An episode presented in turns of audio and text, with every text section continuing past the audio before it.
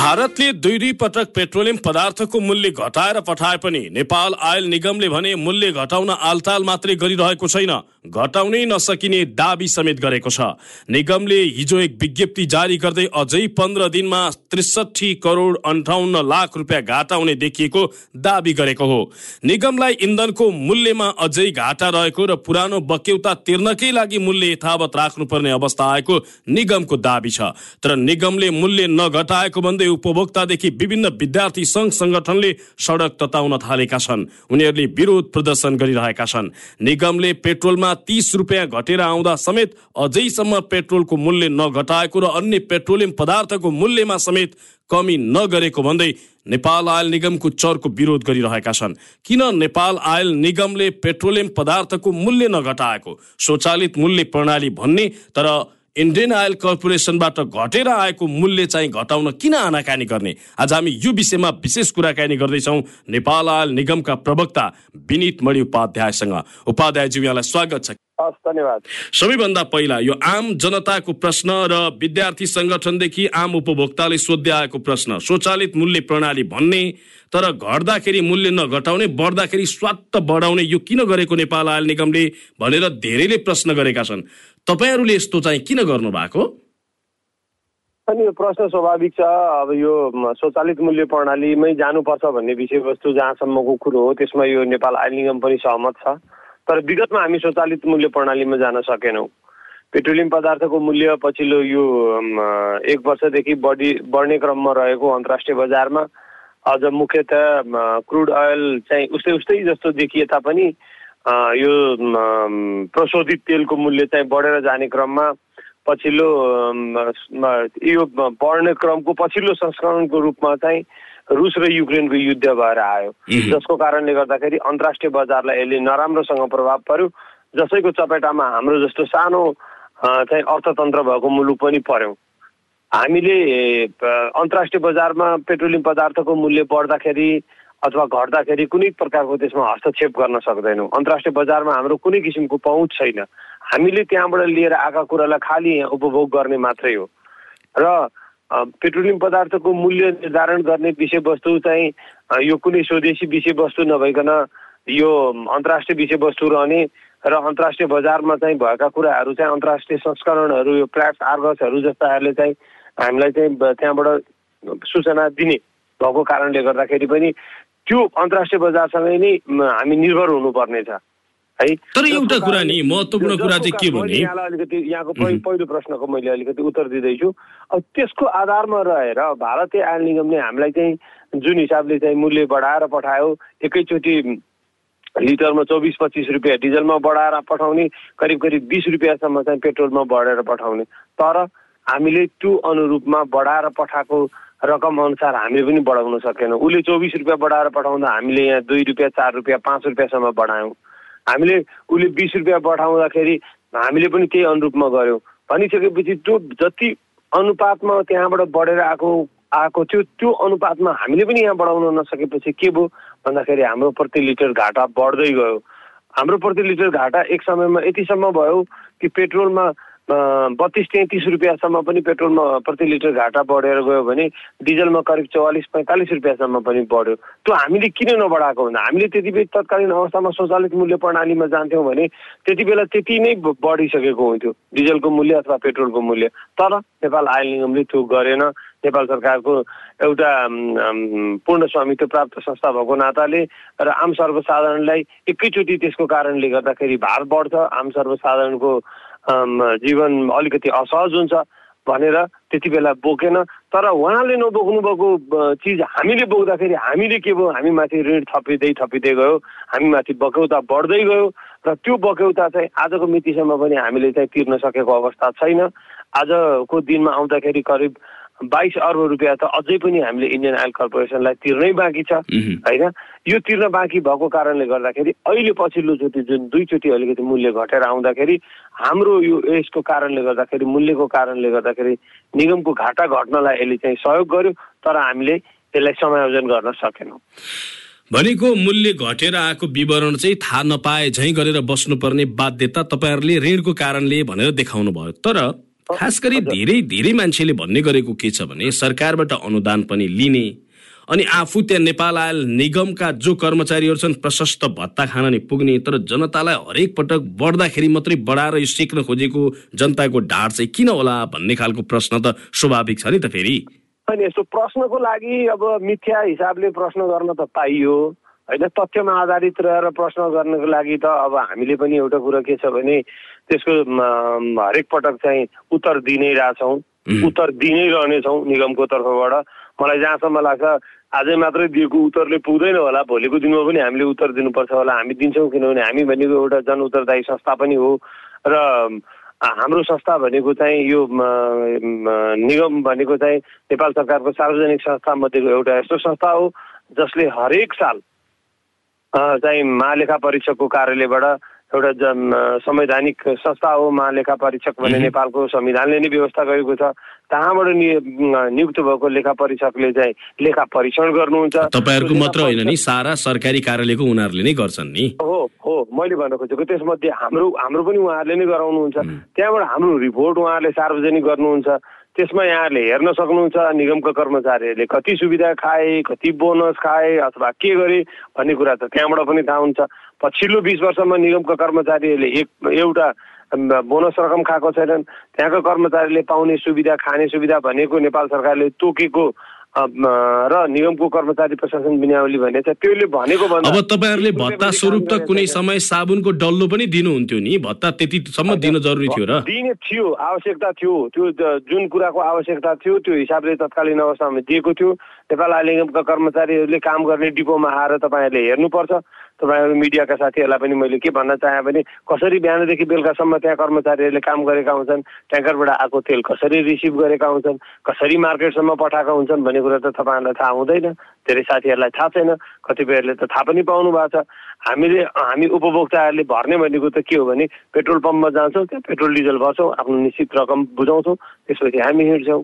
तर कर्मचारीहरूले कसरी काम गरेका छन् भन्ने कुराको लागि चाहिँ यहाँहरूले पनि एकचोटि अध्ययन गरिदिनु भयो अझै राम्रो तर तपाईँहरूले यत्रो दुःख गरेको छु भन्नुहुन्छ तर नेपाल आयल निगम नजानिदो ढङ्गले आजभन्दा भोलि भोलिभन्दा पर्सि चाहिँ जनताको नजरमा बदनामी संस्थाको रूपमा चित्रित हुँदै गयो क्या ठिक छ होइन अब त्यो त अब के छ भने जनताले जुन दिनसम्म चाहिँ यो आफ्नो उत्पादन होइन यो पानी होइन पेट्रोल हो भनेर जति बेलासम्म बुझ्नुहुन्छ त्यति बेलासम्म त यस्तो अवस्था आउला।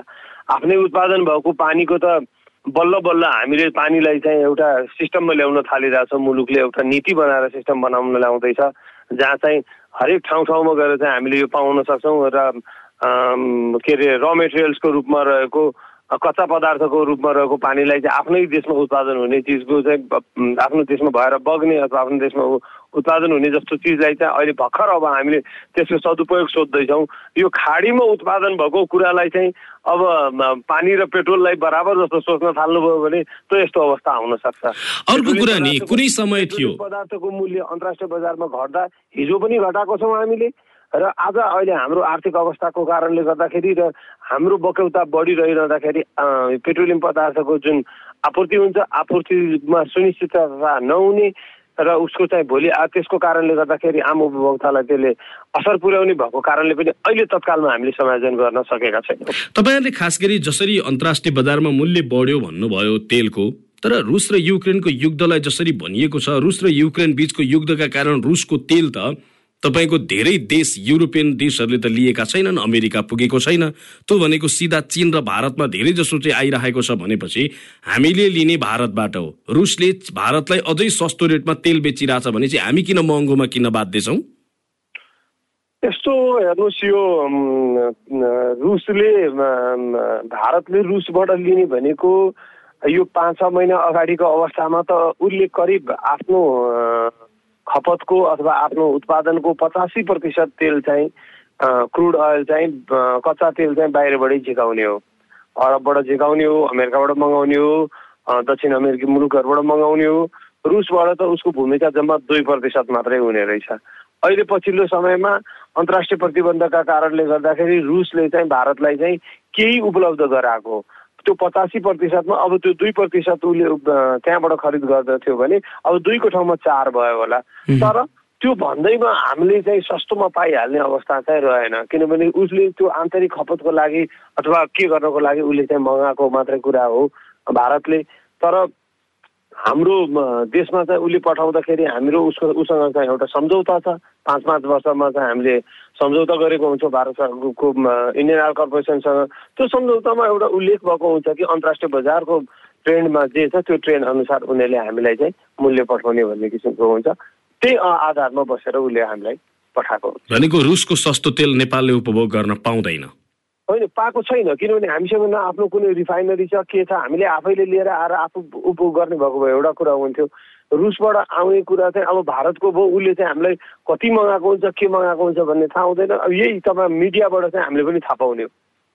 मैले अर्को कुरा जान्न चाहेको कुनै समय थियो खास गरी अलि अघिसम्म नै पनि नेपालमा भन्दा भारतमा तेलको मूल्य महँगो पर्थ्यो। कैयौँ भारतीयहरू नेपालमा आएर तेल भरेर जान्थे।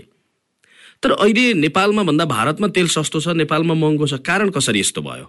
हो किनभने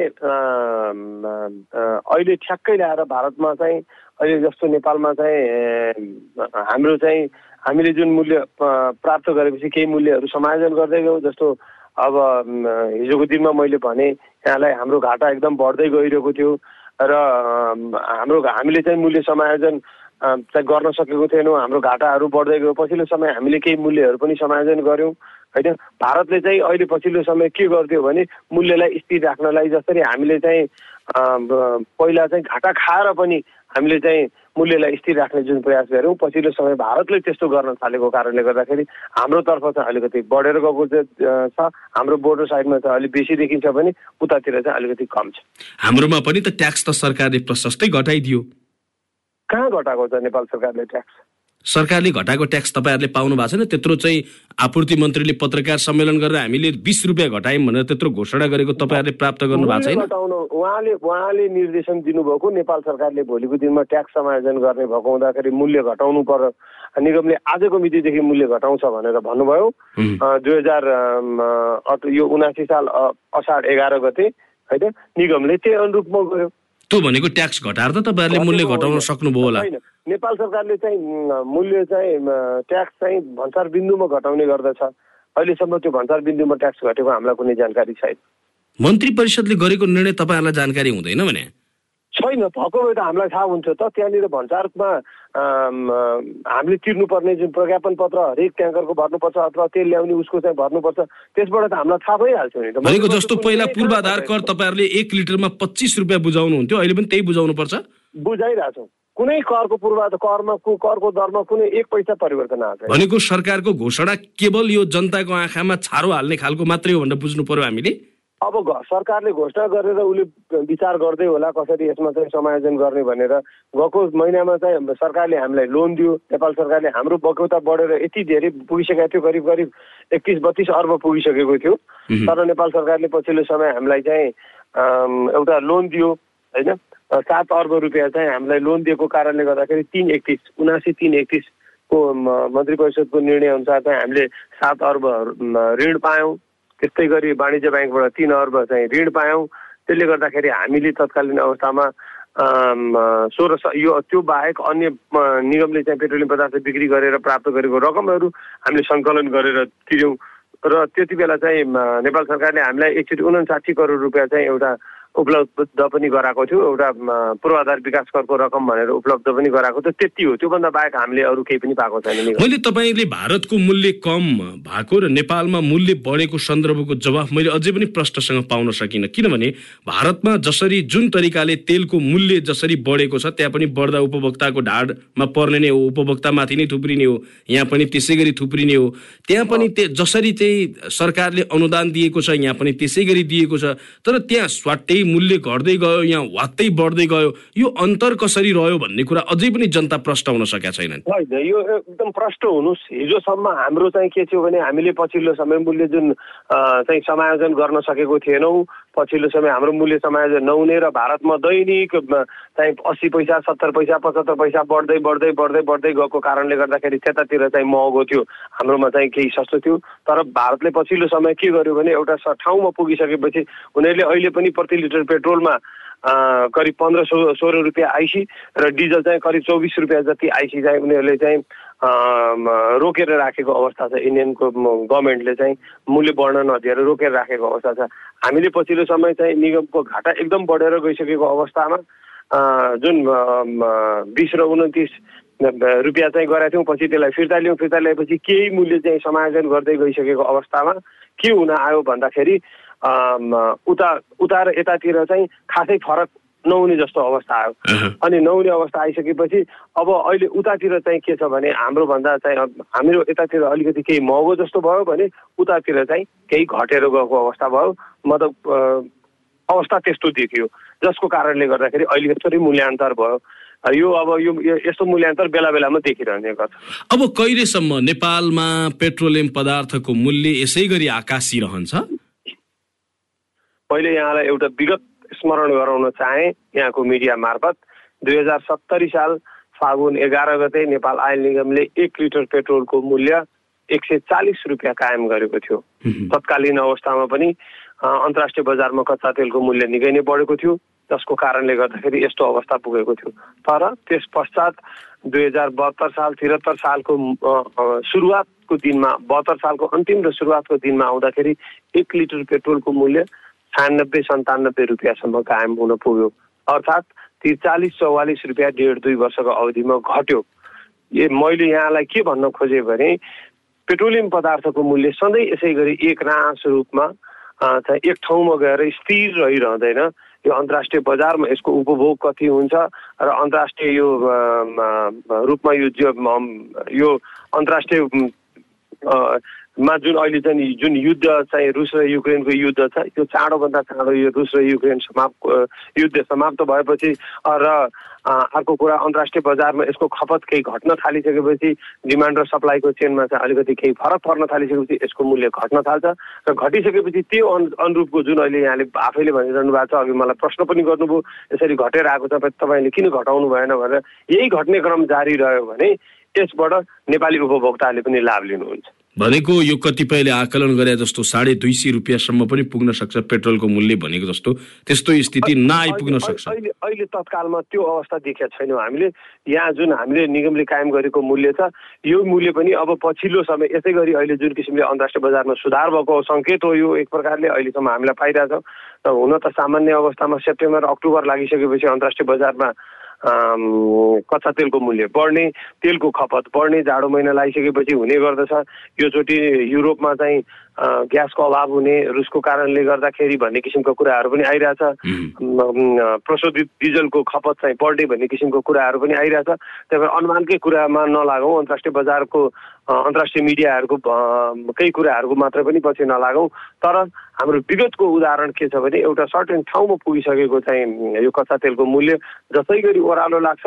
ओह्रालो लाग्ने बित्तिकै निगमको यो वित्तीय अवस्था पनि सुधार हुन्छ। हाम्रो यो चाहिँ हाम्रो मूल्य हामीले प्राप्त गर्ने मूल्य पनि घटेर आउँछ र घटिसकेपछि हामीले पनि त्यो अनुसार समायोजन गर्छौँ। रुस र युक्रेनको युद्ध चलेसम्म यो मूल्य त्यति घटिहाल्ने वा सुधारिहाल्ने स्थिति चाहिँ देखिएन यसको मतलब।